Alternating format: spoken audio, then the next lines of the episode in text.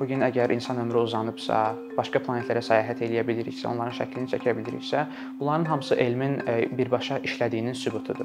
Bununla belə bu gün tədqiqatçı, elmlə məşğul olan şəxs anlayışı insanlara hələ də yad gəlir insanlar tədqiqatçının gündəlik həyatında və karyerasında nə işlə məşğul olduğunu, yeni texnologiyanın necə ortaya çıxdığını və bu mərhələlərə, mərhələlərlə tanış deyillər. Bunun əsas səbəblərindən biri insanların elmin elmin necə işləməsindən, elmi metodun necə işləməsindən xəbərsiz olmasıdır.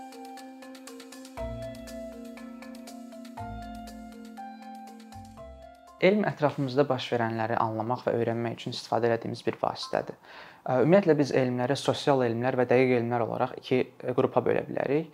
Sosial elmlərə tarix, iqtisadiyyat kimi sahələr aiddir. Dəqiq elmlərə isə fizika, kimya, biologiya və bunların alt sahələri.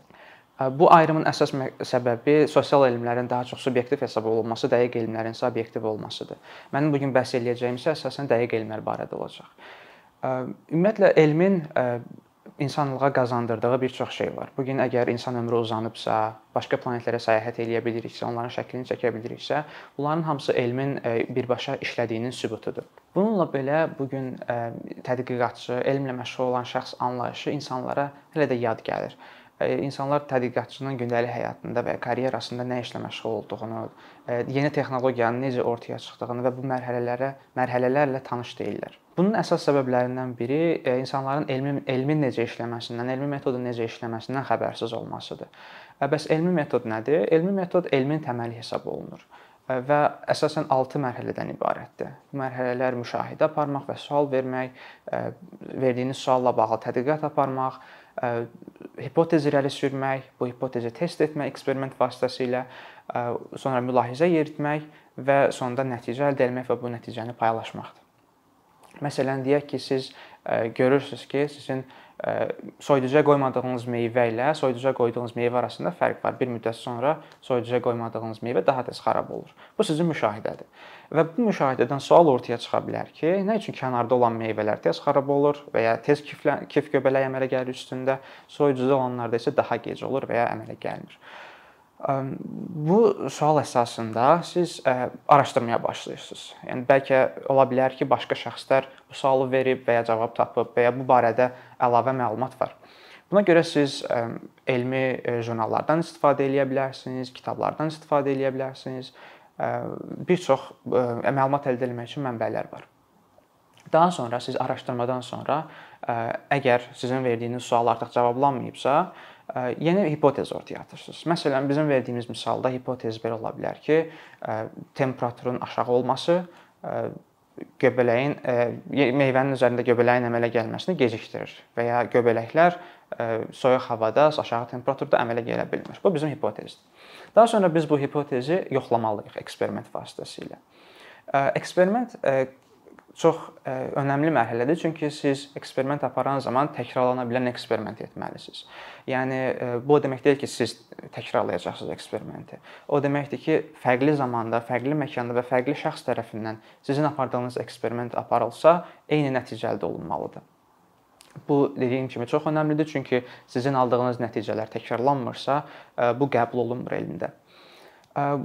Yenə verdiyim misalda eksperiment aparan zaman siz müxtəlif faktorlara önəm verməlisiniz. Yəni siz eyni otaqda eyni soyuducudan istifadə etməlisiniz, eyni meyvələrdən istifadə etməlisiniz, otaq temperaturunu qeyd etməlisiniz eksperiment aparan zaman və müxtəlif e, faktorları nəzərə alıb onların hər birini hər birinin qeydini aparmalısınız.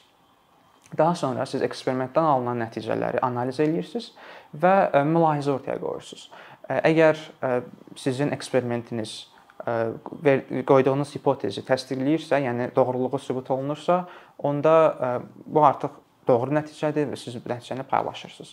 Yox, əgər apardığınız eksperiment nəticəsində sizin qoyduğunuz hipotez hipotezin düzgün olmadığı ortaya çıxırsa, ya siz eksperimenti dəyişirsiniz və ya yeni detallar əlavə edirsiniz eksperimentə və ümumiyyətlə görürsüz ki, alınmır və aldığınız nəticələri olduğu kimi yenə paylaşa bilərsiniz. Elmi metodun önəmli xüsusiyyətlərindən biri də onun tənqidi düşüncə ilə bir növ inteqrasiya olunmuş olmasıdır. Yəni elmi metodun hər bir mərhələsində tənqidi düşüncədən istifadə olunur və olunmalıdır da. Tənqidi düşüncə deyəndə, yəni siz eksperiment aparan zaman, ümumiyyətlə müşahidə aparan zaman, araşdırma edən zaman problemə və məsələyə hər iki tərəfdən baxmalısınız. Yəni sadəcə öz əldə etdiyiniz nəticənin, qoyduğunuz hipotezi doğrulamağa çalışmamalısınız. Əgər başqa bir şəxs sizə müəyyən arqument irəli sürürsə və ya siz hər hansı bir yeni fikir ortaya qoyursunuzsa, bunu sübutlarla təsdiqləməlisiniz. Ən əsası isə aldığınız nəticələr arasında məntiqi əlaqə qura bilməlisiniz. Elmi metod xüsusilə də tənqidi düşünmə bacarığı bizə gündəlik həyatımızda da lazım olan bir vasitədir. Ona görə də çox kiçik yaşlarından şagirdlərə bu bacarıqlar öyrədilməlidir. Beynəlxalq məktəb proqramlarında, hətta xarici ölkə, bir çox xarici ölkənin tədris proqramlarında elmi metoda və tənqidi düşünməyə çox böyük önəm verilir və uşaqlar kiçik yaşlardan orta məktəbdən başlayaraq, bəzən bağçadan başlayaraq kiçik eksperimentlər keçirirlər, elmin necə işləməsini və bu metodun necə tətbiq olunmasını öyrənirlər. Bu çox əhəmilidir, çünki onlar artıq kiçik yaşlarından elmin necə işləməsini bilirlər, tənqidi düşünə bilirlər və deyilən hər bir ortaya atılan hər bir fikrə inanmaq əvəzinə onun sübutunu axtarırlar. Lakin təəssüflər olsun ki, Azərbaycanda elmi metodun tətbiqi geniş tətbiq olunmur. Yəni şagirdlər bütöv rəsmi görə bilmirlər və eksperiment apara bilmirlər. Bu da onlara gələcəkdə təbiət elmləri ilə bağlı mövzuların seçilməsində, yəni bir bioloq olmaqda, fizik və kimyaçı olmaqda çətinlik törədir. Bu bizim məktəb dərsliklərində olan başlıca problemlərdən biridir.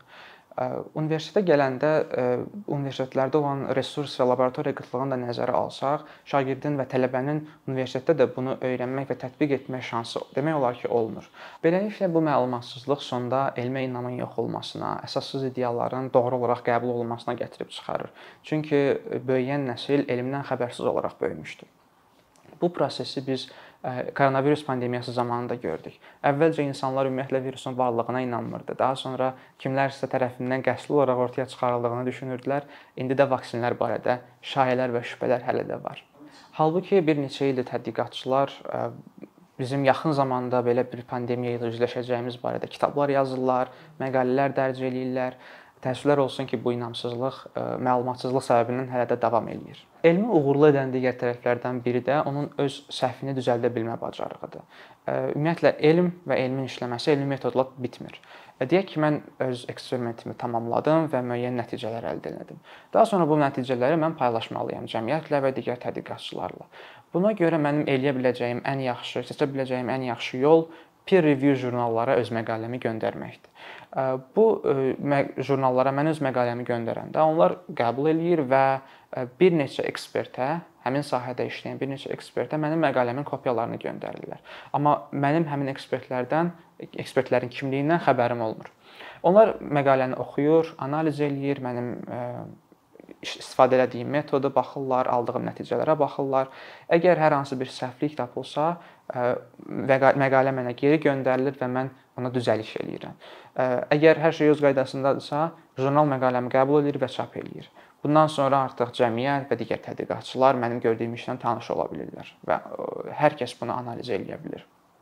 Bununla da bitmir. Əgər dərc olunandan sonra yenə başqa bir tədqiqatçı müstəqil olaraq səhv tapırsa, bu yenidən mənə bildirilir və mən ya məqaləmi geri çəkmək məcburiyyətindəyəm səhv məlumata görə, ya da cəmiyyətdə bu və tədqiqatçılar tərəfindən bu məqalə artıq güvənli mənbə hesab edilmir və bir mənası qalmır deyə bilərik həmin işin. Digər tərəfdən tədqiqatçılar müxtəlif elmi konfranslara, seminarlara qoşulurlar və bir-birləri ilə fikir mübadiləsi aparırlar.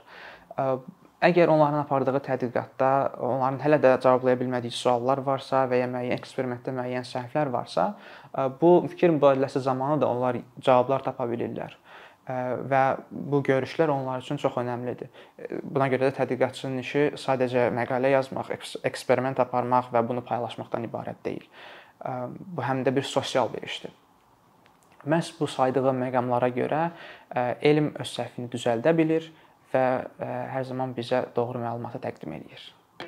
Əkinçinin yeni videoları haqqında məlumatlı olmaq üçün kanalımıza abunə olmağı və xəbərdarlıq funksiyasını aktivləşdirməyi unutmayın. İmkandan istifadə edərək cari patronlarımıza işlərimizi davam etməyə yardım olduqları üçün dərin təşəkkürümüzü bildiririk. Əkinçinin Patreon icmasının üzvü olaraq siz bizim təşəbbüsə dəstək göstərməklə bərabər hazırladığımız materialları hər kəsdən öncə izləmə imkanı əldə edəcəksiniz.